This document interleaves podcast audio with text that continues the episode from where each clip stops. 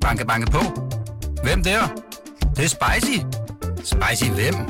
Spicy Chicken McNuggets, der er tilbage på menuen hos McDonald's. Badum, bom, tji.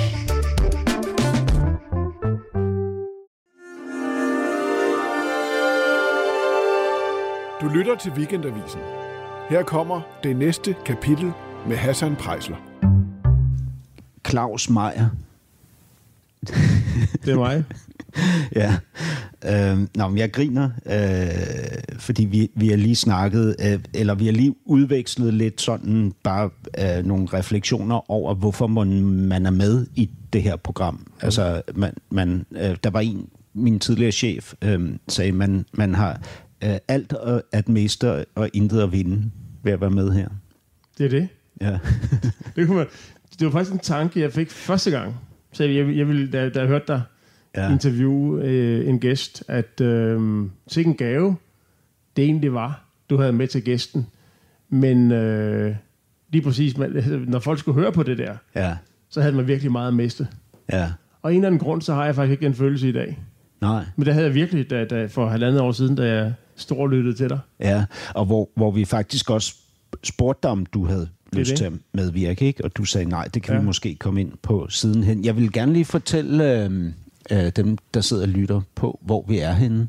Øh, fordi vi sidder i, jamen vi sidder jo i sådan et, et, en, en herregård eller et mindre slot inde i Frederiksberg Have i København. Altså, øh, det er nok måske Københavns mest øh, enestående hus, ikke? eller et af dem. Altså al- alene på grund af beliggenheden, så trumfer det alt andet. Ikke? Kongens tidligere fasaneri. Er det det? Ja, det har det været, ja. Ja, altså øh, kong Frederik, som haven så er mm, øh, bygget af. Så hans fasanmester boede her i en lang periode. Okay, så Frederiksberg Slot heroppe, Frederiksberg Have, og så fasanmesteren mm. her, som sørgede for, at der var fasaner, de kunne jage. Sådan. Præcis. Ja.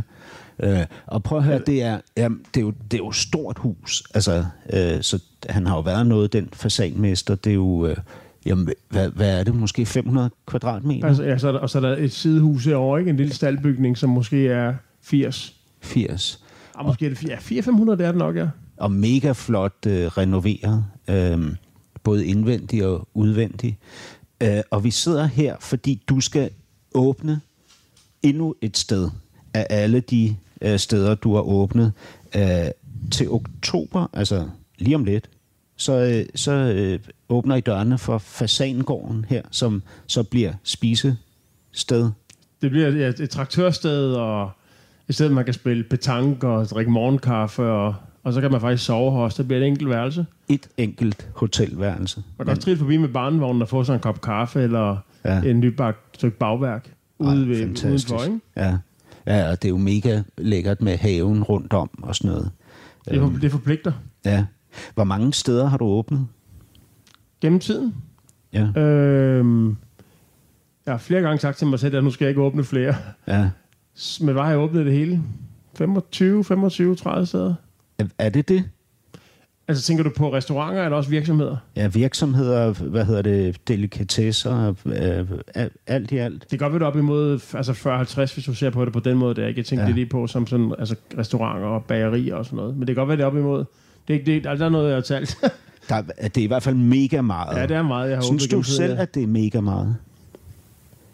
Ja, det er det. Det, det, synes er, det er mange ting, ja. Okay, fordi når jeg læser ned igennem dit CV, ikke? altså fra her fra øh, begyndelsen, ikke? Øhm, det, det, begynd, det her med den her karriere begynder jo så, da du, mens du går på, på business-skolen, ikke? Øh, C, CBS, øh, øh, som 26-årig, tror jeg, du åbner din første virksomhed, som er noget øh, catering, og du overtager også øh, skolens øh, kafeterie. Ikke? Øhm, siden dengang, så er det jo, altså, det, det er jo mega meget, du har åbnet, Claus. Altså, som i helt ekstremt meget. Og ikke kun her. Altså også i New York og i Bolivia, for fuck's sake.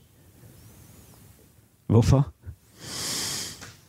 Øh, jamen, i, hvis vi starter med Danmark, øh, så har det jo så har det jo handlet om, at øh,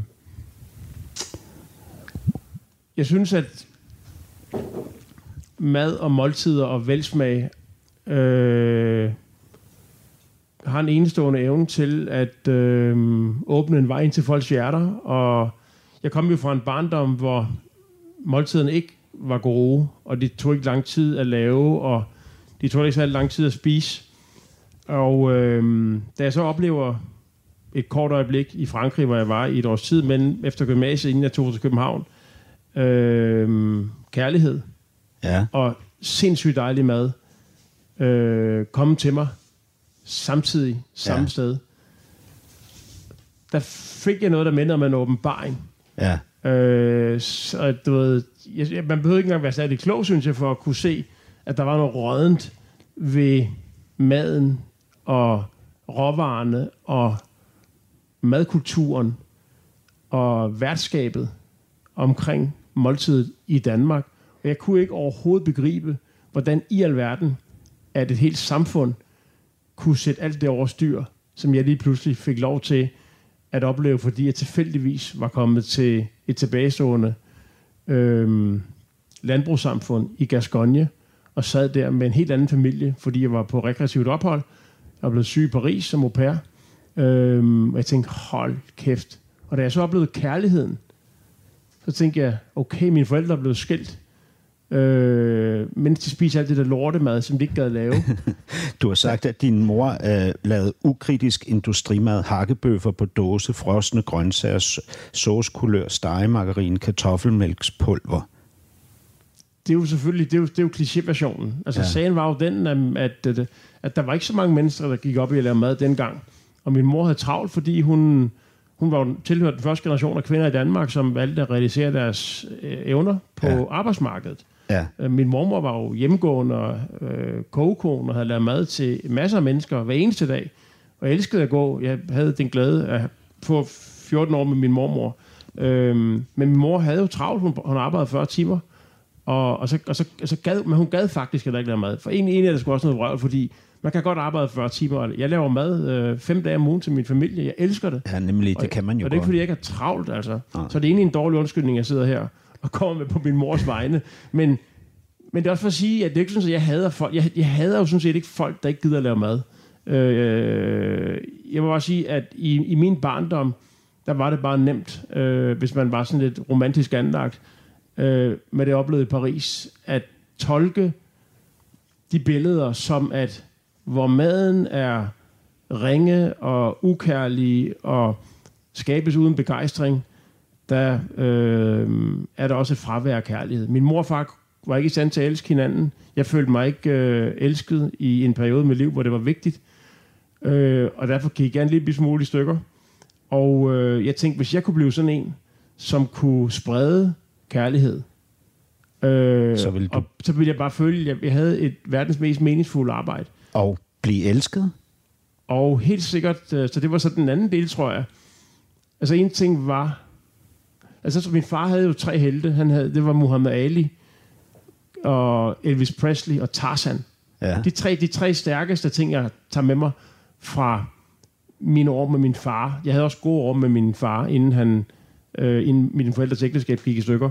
Og det var faktisk, at vi så boksekamp om natten, hvor han, hvor han, hvor han hævde gjorde I sengen. det? Ja. Ja. Vi sad der i hver sin stol, og så uh, Muhammad Ali, som min far han græd, både når han vandt og når han tabte. Nej. Øh, Altså, og, så hentede han dig op i din, ja, altså det i var, din seng. det var, ja, det gjorde han. han, Ja. han ville, jeg ved ikke, om det var for min skyld eller for hans skyld.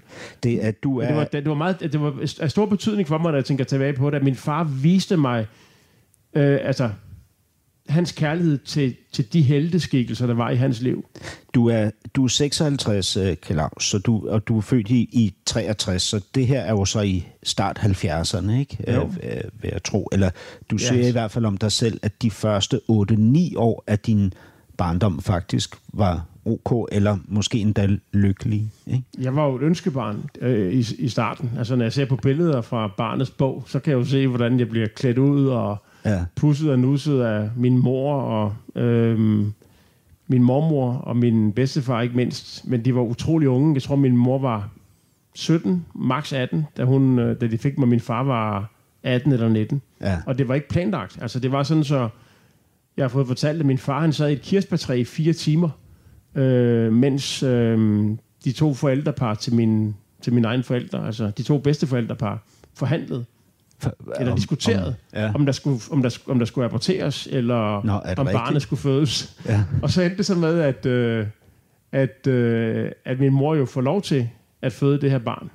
Men, men de er jo alt for unge og uerfarne, og, og de havde heller ikke prøvet nok til at kunne vide, om det var livets øh, kærlighed. Men det er sjovt at tænke på, fordi Din, jeg, jeg din har ingen far hed fætter. Leif. Han hed Leif, ja. Hvad hed din mor? Ulla. Ulla? Og jeg har ingen fætter og kusiner i dag. Nej. Så ikke, hvad fanden der var sket. Altså, slægten var jo nærmest uddød, hvis ikke det var... Hvis, hvis der blev truffet en anden beslutning den eftermiddag, mens min far sad og spiste kirsebær og skammede sig over, at han havde gjort en ung pige gravid. Din far var fra, er fra Falster. Ja, Han lever stadig min far lever stadig. og er 80, vil jeg gætte på. Mm, han, er, han er deroppe af. Jeg tror ja. ikke, han er helt 80 endnu. Ikke helt 80. Nej. Øh, din mor er her ikke mere. Nej. Hun døde øh, tidligt, Ja, som 55-årig. ja. Øhm, så du er faktisk, øh, hvad, hvad kan man sige, du er blevet ældre, end hun blev nu. Jeg har slået hende midt over indtil Ja. videre. Hvordan, øh, øh, det, det er sjovt, ikke? Fordi du, du, altså din far kommer fra, fra altså, øh, smalle kår, ikke? Altså, de har ikke haft noget som helst dekadent. Nej. Men, men når du beskriver din mor, så kommer hun fra gode kår. Hun er smuk, udadvendt, charmerende, mm. velfungerende og sådan noget. Hvordan, hvordan fandt de to mennesker hinanden? Jeg aner det faktisk ikke. Det ved du ikke? Nej. Nej. Men hvad lavede hun på, på Falster? Jamen, det er egentlig det er sjovt. Jeg har nogle gange tænkt på, at der er mange ting, jeg gerne vil vide om min øh, mor. Ja. Og, øh, men jeg tror, der, der skete jo det, at, at altså, min mormor døde. Da du var kunne jeg- 14. Ja, da jeg var 14, ja. og min mor, hun... Og, Altså, din, hun- og din mormor var din store kærlighed, ikke? Jo, Øh, det var hun, og jeg var hendes store kærlighed. Ja, Øhm, og min mor, hun bliver jo faktisk alkoholiker, inden jeg bliver gammel nok til at tænke over, hvor spændende det kunne være at vide, hvordan min morfar mødte hinanden. Kan du huske, hvornår hun begyndte at drikke? Fordi det er i hvert fald på det tidspunkt, hvor din far går, ikke? Jo, Altså forlader f- der, jer. der hersker lidt forskellige versioner om, altså gik min far, fordi min mor øh, var begyndt at drikke, eller begyndte min mor at drikke, fordi min far ikke var hjemme. Ja. Øhm, Hve- Hvem siger hvad? Ja, min far siger, de gange, hvor vi, meget få gange, vi har talt om det, at, øhm, at hun drak, før Ja. ja. han gik. Men så kan man spørge, hvorfor drak hun? Ja. Ikke? Hvad fanden, hvorfor drikker hun? Altså, så hun drikker formentlig, fordi hun har været ulykkelig i det ægteskab der. Ikke? Ja. Øh, jeg var jo den, der fandt ud... Altså, ja, altså jeg fandt, jeg fandt jo ud af, at min, det var mig, der fandt ud af, at min far havde et forhold til en anden kvinde. Det vil Og, sige, og det gjorde du faktisk meget aktivt. Altså, du lavede et stykke detektivarbejde for det gjorde at... jeg. Det har du fundet ud af. Ja. Hva, hva, hvad, hvorfor? Øhm, ja, på det tidspunkt, hvor, hvor det her sker, havde jeg ikke et godt forhold til min far. Nej. Altså, jeg, jeg, vil sige, jeg havde også haft gode oplevelser med min far tidligere, men, men øhm, jeg havde også haft et par ikke særlig gode, meget specifikke oplevelser med min far, som, som gjorde, at jeg helt klart havde, min, havde større kærlighed til min mor end til, end til min far øh, på det tidspunkt. Og jeg, jeg kunne mærke hendes øh, smerte. Øhm, igen, det er ikke for, jeg, kan ikke, jeg, har, jeg ved ikke nok til at kunne... Altså, jeg mener ikke, hvilket formål skulle det tjene at, at sige, hvis skyld det er. Der er jo altid to øh, om, om det, når det går galt, ikke? Øhm, men jeg var helt sikkert tættere på min, mors, på min mor end på min far. Så jeg følte, at øh, der var et element af fryd Mm. over at fortælle ved middagsbordet, at far har fundet en anden kvinde, ikke? Så du... Men det, det, er jo ikke, det er jo ikke stolt over, eller det er ikke sådan, at jeg tænker, Ej, det hvor var jeg dog et godt Ja. menneske, fordi jeg gjorde det på den måde, eller sådan noget, men, men jeg, jeg kan huske øh, den, den unge drengs, jeg kan huske den følelse, det var. Det gjorde ondt at sige det, men, men der var også et element af hævn Ja. i det, i det øjeblik der. Altså jeg ved ikke, hvad, hvad det var, jeg hævnede, eller hvem det var, jeg hævnede, og, og hvad det skulle føre til, for det ville jo komme frem før eller siden. Øhm, men øh, jeg følte, at jeg ligesom rejste mig i det øjeblik, øhm, og, Hva? og markerede mig Hva- over for hva- min far. Var det, var det en markering, som handlede om din relation til ham, eller din mors relation til ham, tror du? var det fordi, du sagde før, han havde gjort nogle ting, der gjorde, at I ikke havde et godt forhold? Kan, kan, altså, kan, kan du, man, man tænker jo, når du siger sådan Claus, så tænker man jo med det samme, hvad er det, han har ja, gjort? og det har jeg faktisk ikke lyst til at fortælle. Okay. Men jeg kan sige, det er, ikke noget, det er overhovedet ikke noget seksuelt eller sådan noget. Eller vold. vold, øh, vold Jeg har ikke eller, lyst til at sige, hvad det er. Okay. Altså, det, har, det, har ikke været, sådan, det, har, det, har helt, det, har, det har overhovedet ikke været... Nej, sådan, når man hører vold, så tænker man noget, som det... Men det var et sted, så det var ikke i orden. Det, Okay. det der foregik, var ikke i orden. Okay, Øh, men Så det der- vil, jeg helst, ikke- det vil jeg ikke tale om. fint. Så den 14-årige dreng her, han finder en Eller måde... 13, ja, måske været 13, ja. ja. Han finder en måde at hævne sig på sin far på ved at, at øh, hvad hedder det, lave den, den her research, fremlægge det ved middagsbordet, og så få... Øh, og, og, og splitte familien ad, jo, Det gjorde i jeg virkeligheden. der. Ja. Men det var nok... Altså, den var, Vidste du, at det ville ske? Ja, det havde jeg en klar følelse af, men jeg, jeg følte også, at det var... Jeg, altså, nu er det længe siden, ikke? Øh, men...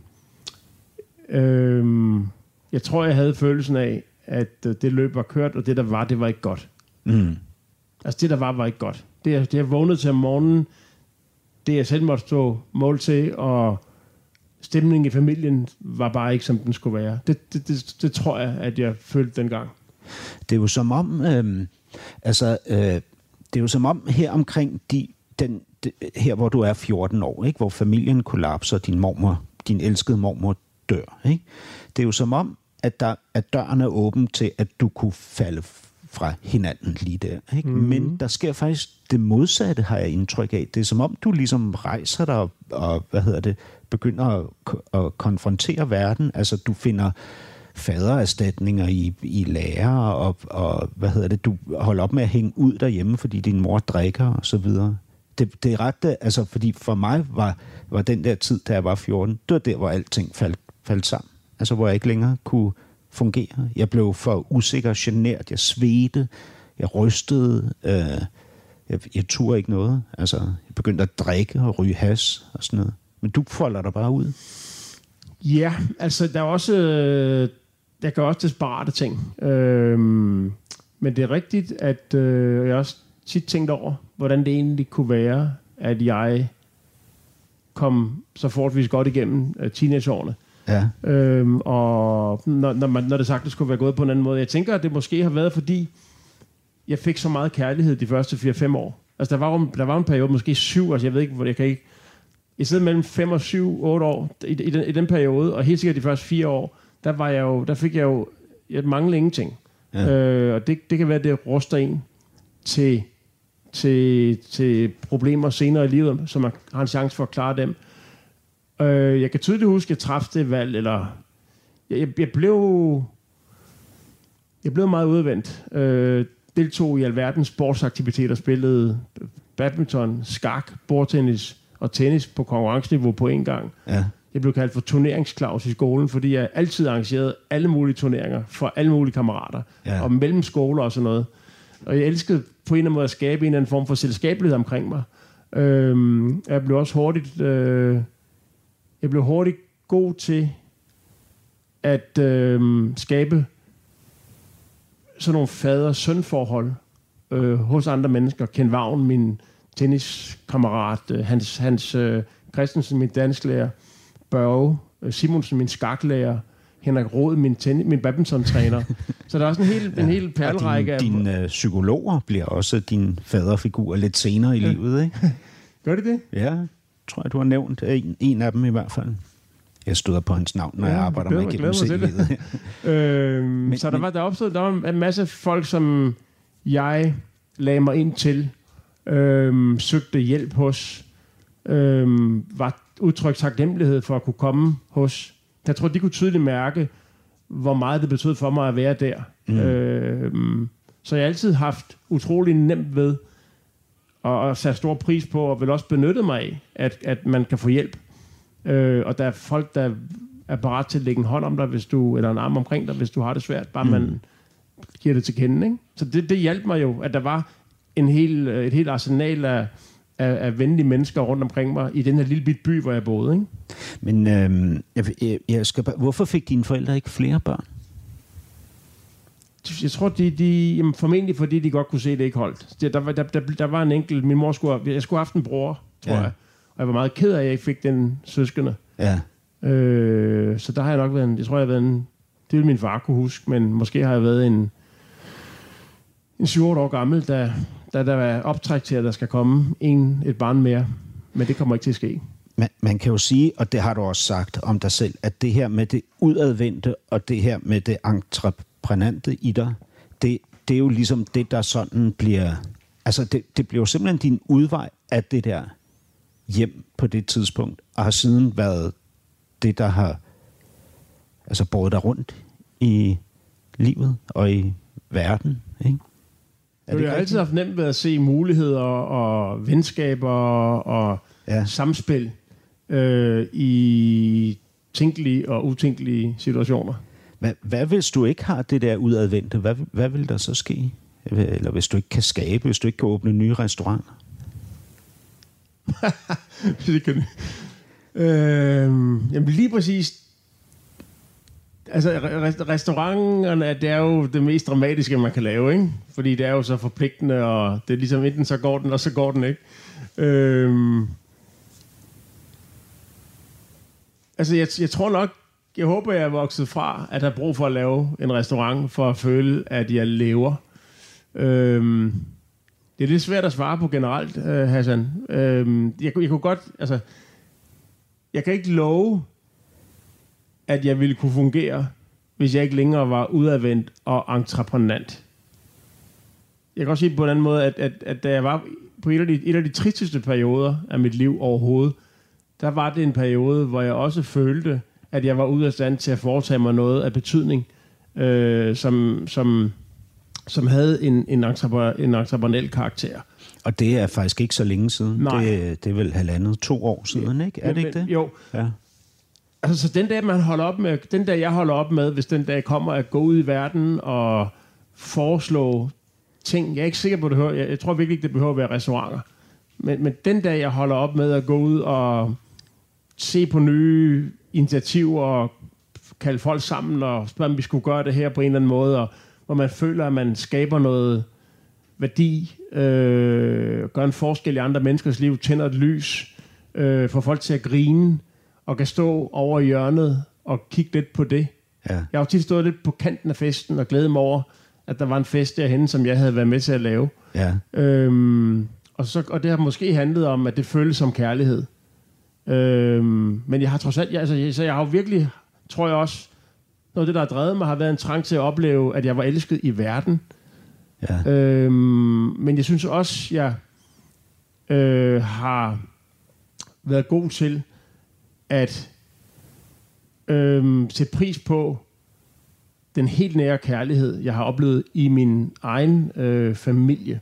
Men, men du, det er sjovt, fordi Så du... det er i en eller anden, jeg tænker, jeg håber, der er en eller anden balance, selvom at, at, at man sagtens skal sige, at der er meget kærlighed, du rækker ud efter ude i verden, øh, så du, du kan jo umuligt leve op til det samme på de indre linjer over for dine børn og din kone, vel? Ja. Det er jo en nærliggende slutning. Ja. Er, er, er det en, øh, en retfærdig slutning, synes du? Det burde de jo nok svare på. Ja. Men du går op og ned af dine øh, tre døtre Ja, og jeg- dit, jeg- øh, din bonussøn, kan man kalde ham bonussøn? Ja. Øh, altså, du, da du mødte Christina, øh, der var i, du var 30, tror jeg. Ja, Ja. altså 31, tror jeg. 31, hun var 30 så, ikke? Jo. Og, og havde faktisk en søn med sig, en, en lille dreng fra sit tidligere forhold. Ja. Øh, og I har så sidenhen fået tre døtre. Øh, øh, din bonussøn Valdemar Ja. er 30, Ja. og, og jeres børn Elvira, Viola og Augusta. Viola hedder hun, hun hedder noget mere, ikke? Viola, Viola Filippa. Viola Filippa, ja. ikke? opkaldt efter en æblesort. Er det Øh, rigtigt? ja, det er rigtigt. Ja. Øh, de er så henholdsvis 23, 17 og 14. Korrekt? Øh. Øh, Viola fylder 18 på, lør, på, på fredag. Elvira tror jeg faktisk er 24, men jeg kan godt tage fejl. Ja. August, hun er 15. 15, okay. Ja. Det er mig, der ikke kan regne. Det er simpelthen, Eller jeg er ved, det mig, jeg ved jo, hvilket år de er født, men, men så kan jeg ikke øh, mere ud. Øh, Nå, men, men det, I, I har jo talt sammen om det her, fordi du er jo en, der taler med de folk, du omgås. Og du vil jo ikke afvise det, hvis de kom og sagde til dig, far, vi savner dig. Nej, det vil jeg ikke. Så du ved jo godt, om de synes, at du har været en, en uh, tilstedeværende far, eller om du har flindret rundt i verden for at... Jamen, ved du hvad, jeg, jeg, jeg, jeg, jeg, jeg tror og håber, at det vil sige, at jeg øhm, i, i perioder altså har været relativt fraværende. For det synes jeg virkelig, jeg har været. Ja. Øh, altså enten fordi jeg har rejst, altså dels har jeg jo rejst mere end den gennemsnitlige far eller mand. Jo ikke sindssygt meget, men altså, jeg er jo ikke sådan forretningsrejsende. Ja. Men så har jeg jo rejst ud og holdt et foredrag, eller skulle jeg ordne noget ned i Bolivia, eller så videre. Ikke? Altså, New York var jo faktisk min pigers valg. Det var Ja. ikke mig, der valgte New York. Og der Jeg flyttede du hele familien derover, Ja, ikke? vi flyttede sammen, og det var dem, der træffede beslutningen. Jeg sagde, hvis vi virkelig gerne vil det, så gør jeg det her. Ja. Og jeg skal nok også prøve at få det sjovt. Men det var ikke sådan, at jeg sagde, nu skal vi simpelthen til New York, fordi jeg har så stort et behov for at åbne noget derovre. Ja. Så det var egentlig, fordi det var pigernes begejstring over at, øh, at skulle leve i den by, som de elskede, som var den afgørende ting, der gjorde, at jeg sagde ja, ikke? Og der var I fra 2015 til 18, er det Ja. rigtigt? Jo. Ja. Så, så jeg, jeg vil, altså, det ville undre mig, hvis ikke de sagde, jeg også synes, de var uærlige, hvis ikke Ja. de sagde, at, at deres far, øh, dels øh, i, i perioder, altså sige, New York var så et eksempel på, at vi var fuldstændig sammen som familie omkring at prøve at løfte den opgave, det var at flytte. Så det er jo et kæmpe familieprojekt. Ja. Så der var vi jo tættere øh, Men på det alle burde måder. jo så have været det lykkeligste af alle projekter, uanset hvordan det endte. Men det blev det ikke. Det blev Nej, jo det blev helt sikkert ikke det lykkeligste af alle projekter, men, men, ulykkeligste af dem alle sammen. Ja? Men lige for bare for at tage dit spørgsmål alvorligt der. Så jeg vil tro, at de, de i, når man ser bort fra USA, som i den grad var et familieprojekt, at de synes, at jeg har været, øh, at jeg har været relativt fraværende. Men jeg vil også tro, at de sagde, at jeg altid havde været der for dem, når ja. de overhovedet med, med, med det mindste vink med en finger sagde, at der var brug for det. Mm. Øh, og jeg er 100% sikker på, at de siger, at de har en far, hvis kærlighed de aldrig har tvivlet på. Nå, det er da fantastisk, Claus. Ja, og jeg tror, jeg tror min hustru vil sige, at hun har aldrig... Jo, hun har, der har selvfølgelig været perioder, men i det store hele, så tror jeg, hun vil sige, at hun føler sig virkelig elsket. Men hun vil også sige, at hun synes, jeg har været fraværende, både i, i nogle relativt, altså nogle mange, lidt for mange dage og aftener, men at jeg også nogle gange, hvor jeg har været hjemme, at jeg også der har været fraværende. Fordi der har været ting, der er foregået. Altså ikke nødvendigvis dårlige ting, men bare fordi der har kørt så meget øh, på den der forretningsmæssige øh, arena ved siden af.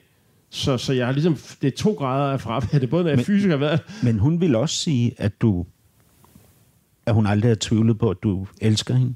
hun, jeg tror, hun vil sige, at, øh, at hun altid har hun, kunne regne med mig. At hun, hun virkelig, altså vi har jo virkelig et forhold præget af stor tillid og, og stor loyalitet. Hun vil også sige, at, at hun godt kunne have tænkt sig, at jeg havde været mere hjemme i tid, men også, at jeg havde været bedre til, når jeg var hjemme, mere systematisk at være virkelig nærværende. Ja. Øhm, men, men jeg tror, at hvis jeg ikke var her, så ville det blive overskygget af, øh, at jeg har spredt stor kærlighed og givet stor kærlighed, og, og i andre øjeblikke været nærværende på en måde, som har været i, i momenter fantastisk. Det er da en mega stor bedrift. Det ved jeg ikke, om det er, men, men jeg, jeg i hvert fald... Det ved du ikke, om det er. Jamen, jeg, jeg, i, mange, I de første 20 år af mit, af mit liv, der, der, der, der brugte jeg meget tid på at øh, spørge mig selv, om, det var, om jeg var god nok, om, altså var det i orden, at jeg ligesom fandt den der balance imellem at realisere det ting, jeg havde brug for at realisere uden for hjemmet, og, og så stadigvæk var der. Det er sådan hårdt fint, det, det er jo, altså man kan jo ikke det hele, så, så hver gang man bruger kræfter derude, så koster det noget derhjemme, ikke? Det er klart, man, der er en trade-off. Men, øh, men jeg er nået sted hen i mit liv, hvor jeg synes, at, øh, at det, det, altså det er i orden. Altså, det, hvad hedder det, min datter er 10. Øh, at se tilbage på, altså, tre børn og et bonusbarn og et langt ægteskab, og kunne sige, jeg tror faktisk, at de alle sammen vil sige, at de ikke har tvivlet på min kærlighed. Og at jeg har været der for dem, når de overhovedet har haft brug for det. Ikke? Det er da fantastisk. Og der, min, min hustru ville nok kunne finde nogle perioder, hvor jeg har været der nok, når hun havde brug for det. Altså, der har været nogle perioder, men du så får man... Der var en abort en gang, og sådan lidt, ikke? Altså, jeg har helt sikkert også... Altså, der har været perioder, hvor jeg, hvor jeg ikke har været... Hvor hun ikke har været tydelig nok, eller hvor jeg har været for dårlig til at se behovet. Mm. Men øhm, hvis det endelige regnestykke skulle gøres op i dag, så tror jeg, at øh, kærligheden ville fylde mere end, end det andet. Du, øh, du nævner jo det her med, at du øh, ligesom synes, at du i livet skal bidrage med noget, øh, som skaber en fest derovre, som du så kan stå og kigge på og tænke, wow, det var mig, der skabte den fest derovre. Sådan er det jo også lidt derhjemme, så vidt jeg kan forstå. Altså, Forklar. Jamen, du vil jo gerne... Det, det der øh, gør dig glad, det er, at du kan arrangere eller sætte noget op, eller øh, handle noget ind, som giver dine døtre og din kone en oplevelse af stor glæde. Ja, jeg, jeg, jeg oplever lidt, at jeg, man kunne lave sådan en anden billede. Jeg, jeg er sådan en, der rydder... Jeg kan godt lide at rydde... Eller jeg, jeg, jeg finder mig godt tilpas i rollen, hvor jeg rydder problemer af vejen. Ja. Øh, og så går jeg også om bagved og begynder at rydde op om bagved. Så jeg, jeg, jeg, jeg, jeg, jeg, jeg, jeg ved ikke, om det, er, om det er den rigtige rolle, man burde tage og sådan noget, men, men det er lidt den rolle, jeg har haft i vores ægteskab. At sørge for, at der er fri bane til, at de kan leve det liv, øh, de skal, uden at de møder nogle problemer, jeg ikke synes, de skal møde.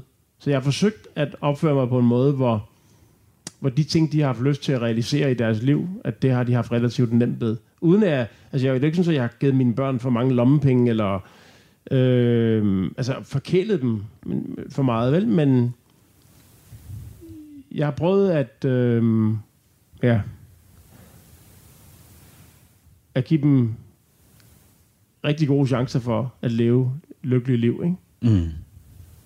Og være opmærksom på, jeg, jeg, jeg, har været, jeg, jeg er super opmærksom på, om min familie har det godt, og um, om de trives, om, om vi er det rigtige sted, og men, men lige i forhold til børnene, prøver jeg at undgå at uh, gøre det for nemt for dem. Altså at give dem penge og sådan noget. Det, det, jeg har jo tjent min, altså ved en til kronen, jeg har, har, har i dag, har jeg jo tjent selv. Jeg, havde, jeg fik ingenting med hjemmefra. Og der er altså et eller andet sundt over, at man ikke, uh, sundt, at man ikke ligesom har det for nemt på den måde, når man starter, ikke? Tænker du det i forhold til dine døtre? Så hvis de kommer og spørger, øh, må jeg ikke få 100 kroner, øh, jeg kan have liggende i min skoletaske til at købe fredagslik for, vil du så? Jeg, jeg, jeg, jeg giver, altså, nogle gange giver vi en lidt større gave, og, og vi hjælper selvfølgelig også med, at de kan bo i en lejlighed og sådan noget, ikke? Så nogle forældre køber det der, ikke? Men vi giver dem lidt mindre, end vi kunne. Mm. Fordi jeg synes, at det er sundt, at man skal arbejde for tingene selv og skal, skal gøre sig fortjent til de ting, man opnår.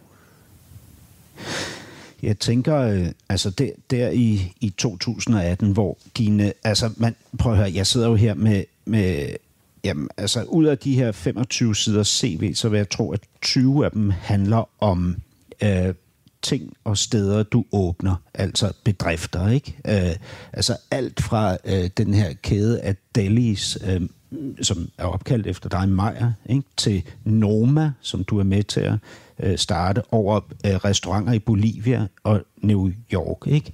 Og altså, man kunne nævne alt muligt andet, du har været med til, ligesom at, at, at sætte i søen, ikke? Og, og få bygget op og sådan noget. Øhm, der er jo også nogle, nogle nedture undervejs, men den første store nedtur er jo ret sent, fordi det er jo først her i 2018, hvor dit New York-eventyr kollapser. Ja, hvad var der egentlig af nedtur før? Jamen, der har jo været en smule, ikke? Har der ikke det? Altså, der var jo, der var jo sagen omkring de der fængsler, og der var noget... Nå, ja, det er rigtigt. Ja, nemlig. Der var noget fagforeningsfnider øh, i den periode, kan jeg huske, ikke? Altså, du, når du tænker på fængslerne, så er det der, hvor du laver mad med de kriminelle, og ja. der er så et offer for en af de medvirkende, øh, altså et voldsoffer, som øh, synes, det er virkelig ubehageligt at se sin, det var faktisk, det var faktisk, sin aggressor der på fjernsynet. Det var faktisk ikke sådan, ja. det var. Det var, det var sådan, at da, da jeg havde besluttet mig for at lave, for at forsøge at, at, at realisere en madskole i, i Vridsløs Statsfængsel, og vi valgte at dokumentere det ja. øh, i Danmarks Radio for at starte en debat om resocialisering. Det var det store formål. Det var, det var også at, at, øh, at vise forbedringspotentialet øh, hos et menneske, der endte i et fængsel, ja. øh, så folk kunne se, at man fortjener en chance til. Ja. Så ved siden af det der, som en del af noget, der hedder frivillig fredag, som Socialministeriet havde startet for at bygge bro mellem virksomheder og folk, der var på vej ud efter afzonen deres straf, der tager vi en, en mand, der ønskede at komme i bagerpraktik Ja. tager vi i bærepraktik. Så det foregår ligesom nogenlunde samtidig med, at vi forbereder den første visning af det første dokumentarprogram. Øhm, og da offret til den her bagerlærling, som havde taget hende i sin favn, og var sprunget ud af et vindue fra anden sal med hende, for at de begge skulle dø, Ja, fordi han var jaloux. Efter han havde tæsket hende med Det har jeg også, det er der nogen, der, ja. ja, det har hun sagt i hvert fald, ikke? Ja. og det må man tro passer. Ja. Øhm, ja, og man spørger ikke folk, hvilken forbrydelse de har begået. Nej. Fordi når folk har afsonet deres straf, skal vi ikke straffe dem en gang til. Der falder der brænde. Men, men, men, men det er sjovt, nogen, der, jeg tit, jeg tror også, det står på, på Wikipedia faktisk, at det var, jeg kom dårligt ud af det, og det var en forfærdelig tid, men faktisk, udover at det var sindssygt hårdt, dag efter dag i, i, i fire uger at blive bombarderet fra en hver tænkelig vinkel. Der var ikke den klummeskribent, der var ikke det nyhedsmedium, som ikke øh, havde fattet den der sag der. Men faktisk øh, øh, var det en utrolig glædelig periode i mit liv, fordi jeg, jeg, jeg valgte at øh, stå op for den her mand, Frank, som han hed, ikke? Selvom jeg ikke kunne lide ham. Mm. Altså specielt. Og selvom jeg synes, han har foretaget sig noget fuldstændig forfærdeligt. Men han har, udsonet, han har afsonet sin straf. Ja. Så, så jeg, jeg, jeg, alle sagde, jeg skulle fyre ham og blev, skille mig af med ham, så der ikke var strækker og, og ballade i pressen hele tiden. Ja. Øhm, og det endte med, synes jeg, eller jeg, jeg helt klart endte den danske offentlighed med, at, øhm, at forstå, at vi ikke skal straffe folk to gange, og vi er også nødt til at forholde os til de folk. De, de folk, der har begået voldsomme forbrydelser, får jo alt andet lige voldsomme straffe, ellers så må vi lave domstolssystemet om jo. Ja. Men vores opgave som enkeltmennesker er ikke at, øh, at, at straffe folk en gang til. Så, det, så selvom det var vanvittigt hårdt, og jeg lignede en mand, der var... Der, så, så, så er det noget af det, jeg har gjort, hvor jeg, hvor, jeg, hvor jeg virkelig var mest glad for, at jeg bare blev stående i kampen og tog testene. Det var- Ellers har jeg jo reddet... Jeg har ikke taget så mange chancer på den måde gennem mit liv. Det var i 2011. Og du siger, at du ikke har taget mange Ja, det er chancer. type chancer. Nej, okay. Jeg synes, du har taget mange chancer. Andre chancer. Men det er rigtigt, du har jo også tidligere i 2008 har du et ret stort, et millionunderskud faktisk på dine dailies og, og så videre, ikke? Så du har jo oplevet øh, en snært af det her. Du ryger også i møllen på et tidspunkt, hvor du har udtalt dig om, at du, øh, at du har haft en religiøs oplevelse ude på Amagerfællet. Det er rigtigt. Øh, der, der, hvad hedder der det, ikke bliver også der- lat, latterligt gjort. Ja, det er rigtigt. Ja, Men det, det havde jeg jo. ja. Men der er ikke noget af det her, der slår benene væk under Nej, dig. overhovedet ikke. Hvorfor slår det benene væk under dig, at dit New York-eventyr ikke bliver en succes? Altså, og, og det er jo, altså, du kommer jo hjem, og, og de ting, du siger om dig selv, øh, i forhold til, hvordan du har det, da du kommer hjem fra New York her i 2018, det er jo, øh, øh, lyder for mig som beskrivelsen af en mand, der er i en dyb depression. Altså, fordi du har, du siger om dig selv, at du faktisk tvivler på, om du har ret og lyst til at være her. Ja, altså jeg var jo ikke i nærheden af at tage mit eget liv. Og, og, og jeg, jeg takker min Gud for, at jeg havde min familie i den periode der. Jeg skal måske bare lige sige, at, at altså, det var jo egentlig... På, på, på visse punkter var projektet jo en kæmpe succes. Vi jeg lavede... De betydeligste projekter var en, en restaurant, der hed Æren på, på Manhattan, og Som- The Great Northern Food Hall. Som fik en Michelin-stjerne. Ja. Og så øh, Aska, som jeg lavede sammen med en svensk kok øh, i Brooklyn, der fik to Michelin-stjerner efter fire øh, måneders eksistens, hvad der var helt sindssygt. Så på, på under et halvt år havde jeg fået tre Michelin-stjerner. Og foodhallen var blevet... Der var en hel side i New York Times, der beskrev den som øh, et, et øh, kulinarisk øh, nirvana midt Ja. på den her utrolig fortravlede, stressfyldte terminal, The Grand Central Terminal, hvor folk de bare hammer forbi. Så havde vi skabt et, øh, et nirvana, og, og det er jeg allermest glad for, og, no, og, og som ligesom Aska består den dag i dag, på trods af alt, det er The Brownsville Community Culinary Center, en madskole for fattige sorte, et filantropisk projekt i en udsat bydel med primært afroamerikansk med 70.000 mennesker, hvor halvdelen lever under FN's sultegrænse. Et, et sted, der i teorien var umuligt at komme til som hvid mand, uden at man blev latterliggjort. Øhm, så på, på, jeg, jeg glemmer bare nogle gange at sige, at jeg faktisk, øh, nu har jeg fået bagstand, er utrolig stolt over, at jeg i måske det sværeste marked overhovedet, rent faktisk lykkes med at, øh, at, at rejse nogle ting. Så gør jeg nogle, jeg begår en masse, øh, synes jeg, eller, eller, eller no- nogle enkelte betydelige fejltagelser, som blev fatale. Hvad, hvad er det? Jamen dels så, så, så vælger jeg at stole på min partners intentioner og ord om, at han er i det her øh, på den lange bane, og af de samme årsager som jeg. Øhm, og så undervurderer jeg betydningen af detaljerne i en, i en juridisk kontrakt, som gør, at jeg ender med at forpligte mig personligt, ikke bare forretningsmæssigt, men, men hele min, altså min personlige økonomiske situation, at lige pludselig står på mål for en, en lejekontrakt og nogle momsforhold, jeg ikke er herover. Og det har du faktisk øh, gjort en dyd af aldrig nogensinde at gøre. Ikke? Ja, så uanset hvor mange projekter du har sat i søen, så har du aldrig taget store lån, og du har aldrig forpligtet dig personligt. Jeg har altid tænkt, hvis jeg, jeg skal tjene to kroner, så kan jeg bruge den ene på at lave noget nyt.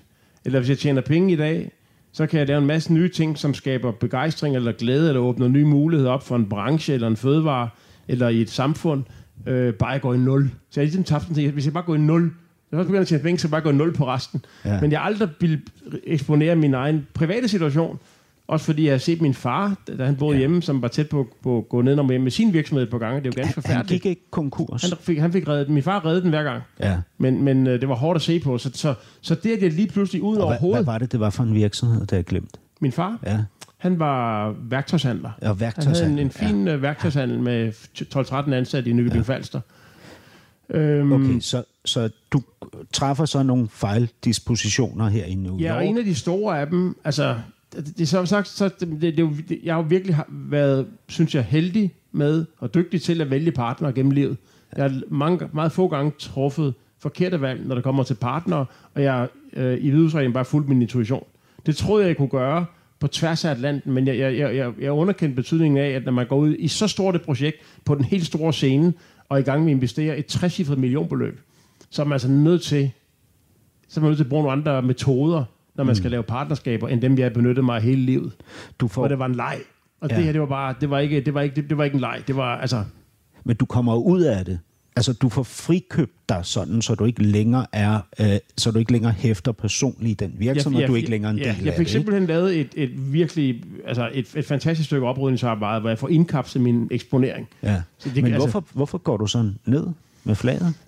Jamen, jeg tror, det, det, det jamen, jeg ved ikke, om jeg, jeg går heller ikke fuldstændigt jo, vi kan diskutere, hvad det vil sige at gå ned med flade. Jeg kommer i hvert fald et sted hen, hvor jeg, hvor jeg når jeg cykler hjem fra arbejde, øh, så, så, så, så, så kommer den tanke til mig lige pludselig, at øh, jeg godt kunne forstå, hvorfor folk tog deres eget liv. Så selv kom jeg på. Mm. At jeg, jeg, jeg, jeg, jeg, jeg, lige pludselig forstod jeg, jeg har aldrig forstået det før, hvorfor en forretningsmand, som fucker op, overvejer at tage sit eget liv. Jeg tænker, hvad, hvad er det for noget pjat? Man har jo sin kone og sine børn, og man kan altid bo i et lille hus og spille tennis og fiske en fisk og lave mål til mad og dyrke sin have. Så for, du forstod følelsen? Jeg forstod følelsen, ja. men, men jeg, jeg, jeg, jeg, jeg formåede mig trods alt at holde fast i, hvilken lykkefølelse det var at have en familie og nogle børn og se deres opvækst. Og det var ikke sådan, at vi var ved at gå konkurs som familie overhovedet. Øhm, men alligevel følte jeg mig bare som verdens største klovn. Verdens største fiasko. At tage derover have solgt min virksomhed i Danmark, have fået mange penge, der derover og så være ved at sætte hele lortet over styr. Så det var både, for både det der, det, det, det var, altså folk må da tænke, at jeg er den største klovn i hele verden. Øh, plus, men, men det, det værste var faktisk, at i over et år, der var vi hele tiden super tæt på at komme et godt sted hen. Fordi der var en anden amerikansk virksomhed, som ville investere 30 millioner øh, i det, vi lavede, som troede på det, og som havde det lange lys på, og som sagde, at selvfølgelig kan man ikke starte med at tjene penge fra den første dag i Midtown på Grand Central Terminal med verdens dårligste lejekontrakt, hvor man har brugt 5 millioner dollar for meget på at bygge. Inden jeg overhovedet kom derover, mm. så havde man sat rigtig meget over styr, fordi byggeprojektet blev for dyrt, og fordi lejekontrakten var forfærdelig. Mm. Og så sagde de, det, det, er jo, det, er jo, det, det, er jo ikke, det er jo ikke det, det handler om. Det handler om, at der er bygget en fantastisk historie, et fantastisk brand, og det kan jo foldes ud alle mulige andre steder i nogle helt andre legale setups. Men, men så på grund af, at min danske, dem jeg har solgt virksomheden til i Danmark, og på grund af den der amerikanske partners, indiske partner, så sad jeg sådan et, hvor jeg skulle få nogle juridiske ender til at mødes, og vi sad i telefonsamtaler på tværs af kontinenter igennem halv og hele år, hvor vi hver eneste uge var tæt på at måtte lukke, mm. øhm, fordi vi manglede cash. Mm. Og hvem skulle komme med de næste 500.000? Altså, sådan at spille sådan poker, og jeg, jeg begyndte at blive stresset over min finansielle situation, og gælden voksede, og, og hele tiden var vi, altså jeg troede måske 10 gange i et år, at vi var ved at nå til mål, og, og, få, og få skaffet den langsigtede finansiering, der gjorde, at vi kunne komme øh, ud over stepperne offensivt i USA. Mm. Det troede jeg på, og det kæmpede jeg for, og vi var så tæt på, måske 10 gange, alt imens vi var ved at dø undervejs. Mm. Og... Du havde prøvet det i, i altså, i et lidt mindre format omkring Noma, ikke? Uh, I 2007, jo, hvor, hvor var... du og René Redzepi uh, uh, skilles. Ikke? Der er jo også forhandlinger uh, om, I måske i virkeligheden skal lukke Noma. Ikke? Men det var Men helt det... udramatisk, fordi der var ingen penge på spil, så det var mere sådan, skulle man vælge at sige, det var mere sådan en kunstrisk handling egentlig. Ja. Så der var det, det andet, det var, og Noma var jo en kæmpe succes, så det var følelsen af, at jeg kunne risikere at sætte altså i stort set hele min formue over styr. Det har ja. jeg brugt 30 år på. Ikke fordi penge har betydet noget for mig, men det er trods alt ærgerligt på den helt store scene at sætte alt over styr. Og så i øvrigt mislykkes med at få et projekt op at stå. Det er meget få ting, jeg har lavet. Betyder det mere end det med pengene? Altså, er du i virkeligheden ligeglad med pengene, men det, at du ikke... At du var for dum Naiv. Til at, naiv. Ja, så det betyder Udulig. i hvert fald... Er, er, er det det, der i virkeligheden så... Penge har aldrig betydet særlig meget for mig. væk under dig? At du ikke var klog nok? At du ikke øh, dygtig ja. nok? Eller? Ja, jeg har, aldrig, jeg har aldrig brugt mig særlig meget om at mislykkes. Det har jeg sgu ikke. Er du god til det? Til at mislykkes? Ja, jeg, jeg hader at mislykkes. Mm, nå, men jeg ved ikke. Jeg, jeg, jeg, jeg, jeg ved ikke, om jeg hader det. Altså, der, der er noget... Øh, nej, det kan jeg jo heller ikke lide. Selvfølgelig kan jeg ikke det. Altså, jeg har skrevet en succesroman, ikke, der udkom for syv år siden og fik fem og, og fem stjerner hele vejen rundt. Ikke? Altså, det er jo ikke... Øh, jeg har jo ikke skrevet en toer. Det er jo, fordi jeg er bange for... Øh, fordi jeg nærmest ved, at det, jeg kan ikke gentage den succes, og jeg er jo mega bange for at mislykkes. Selvfølgelig er jeg det. Så og det selvfølgelig er, er det ikke i samme grad, fordi jeg laver jo nye ting hele tiden jo. Ja. Men, men der er ligesom forskel på at lykkes på forskellige niveauer med de ting, man laver. Og noget går godt, og noget går mindre godt, og man er ikke perfekt, og det er livet heller ikke. Og, og det, sådan er det jo bare. Men, men altså tage det over på noget, der skulle ligne du ved, kulminationen på 30 års indsats. Ikke fordi det var tænkt på den måde. Det var ikke... Mm. Professionelt var jeg jo gået til det, som jeg sagde før, en, en lille smule lidt sindigt, også i forhold til udfordringskarakter. øhm, så det er ikke fordi, jeg følte, det var, nu skulle jeg, det var ikke et præstationsprojekt, nu skal jeg vise, hvor dygtig jeg er. Det var egentlig ikke det. Nej. Men, men, men alligevel synes jeg bare, at det ville være forfærdeligt. Og, men det var en kombination af øh, pengene, og, og, det, og det ville være forfærdeligt, at, øh, at skulle lukke en virksomhed og fyre 300 mand. Altså, hvem synes ikke, det er forfærdeligt, at skulle lukke? Det har jeg aldrig prøvet i mit liv overhovedet. Men, men, men det, der for alvor nedbrød mig langsomt, det var, hver morgen i, i over et år at vågne til den vildeste kamp, hvor du i virkeligheden, dine chancer for at lykkes er måske 3%, fordi man kæmper mod vindmøller. Mm. Øh, og stå og have det, de dårligste kort på hånden, 360 dage, øh, og, og, og opleve det ved at kollapse hver eneste dag, men man kæmper, og der er et lille håb. At gøre det over så lang tid. Jeg spillede tennis stadigvæk, og jeg lavede mad og sådan noget, ikke? Men, så jeg holdt sammen på mig selv, men i perioder, så jeg har aldrig prøvet før, altså, hvor jeg vågner om morgenen og bare trækker dynen op over hovedet og, og håber, at øh, jeg kan sove fire timer til, så jeg ikke behøver at gå op mm. til det, jeg vågner op til, når jeg går ud af sengen. Ikke? Eller komme hjem fra arbejde og ligesom lukke mig ind i den der med min familie og se noget fjernsyn og, og prøve ligesom at fortrænge det. Så det prøvede jeg i det, i det år der. Kunne dine øh, børn og din kone, dine børn, kunne de mærke det på dig? De kunne virkelig godt mærke det, og ja. de var simpelthen så søde. Altså, min, alle mine piger og min hustru var så fantastiske for mig. Men det er jo som om, at der er jo ligesom sådan, som jeg ser det, så er der sådan en tråd tilbage fra den der tid, hvor du er 14 og ligesom får brudt fri af den der familie. Du fortæller din mor, at din far er utro og splitter det hele ad, og, og begynder at orientere dig ud af, altså finder ud af, hvordan du kan fungere i den her verden. Og det kan du, fordi du er charmerende, du er velfungerende, du er klog, du hurtig du kan skabe ting, bygge dem op, og du kan finde ud af, hvad folk har brug for. Hvad deres behov er, kan du lynhurtigt aflæse, og så kan du tilfredsstille dem. Ikke? Og det er jo derfor, du har så stor succes igennem livet, ikke? Altså med øh, øh, øh på tv, ikke? Øh, de gange du har lavet tv, du blev jo altså folkeeje, ikke? Sindssygt populær. Folk elskede dig jo, ikke? Øh, din kone, Christina, siger, at det føles som om, når I går på gaden, at de andre, alle dem, der kommer forbi, også har en lille andel i dig. Ikke? Øh, så alt det der, du lykkedes med, også derhjemme, altså du kan ligesom skabe det, der er brug for derhjemme. Du laver mm. mad til dem, du kan give dem det, de skal have. Ikke? Mm. Og, men, men jeg tænker også, det er jo, det er jo en skrøbelig konstruktion, ikke? fordi der skal bare præsteres. Ikke? Altid. Når du har gæster, så laver du ikke en ret. Du laver seks, syv retter. Eller ti. Ikke? Eller ti. Ja, jeg elsker folk, gæster. Folk skal føle, at de får en særlig oplevelse, så ja. du kan stå derovre og tænke, jeg skabte den fest for dem. Ja, det kan jeg godt lide. Og dine børn skal være stolte af dig. Jeg kan, ja, det skal de også. De skal, de skal helt, jeg, jeg vil gerne have, når jeg ikke er her engang, at de tænker, sikke en fantastisk far, vi havde. Claus Meier, nu er første time gået. Uh, vi ses igen om et par dage ind hos mig inde på Weekendavisen. Tak fordi jeg måtte besøge dig her på Fasangården på Frederiksberg. Det er et fuldstændig fantastisk sted. Det var mega spændende. Tak, altså. Podcasten er sponsoreret af Maxus, som netop er lanceret i Danmark med 100% elektriske biler med moderne teknologi og højt udstyrsniveau. Find din forhandler på maxus-danmark.dk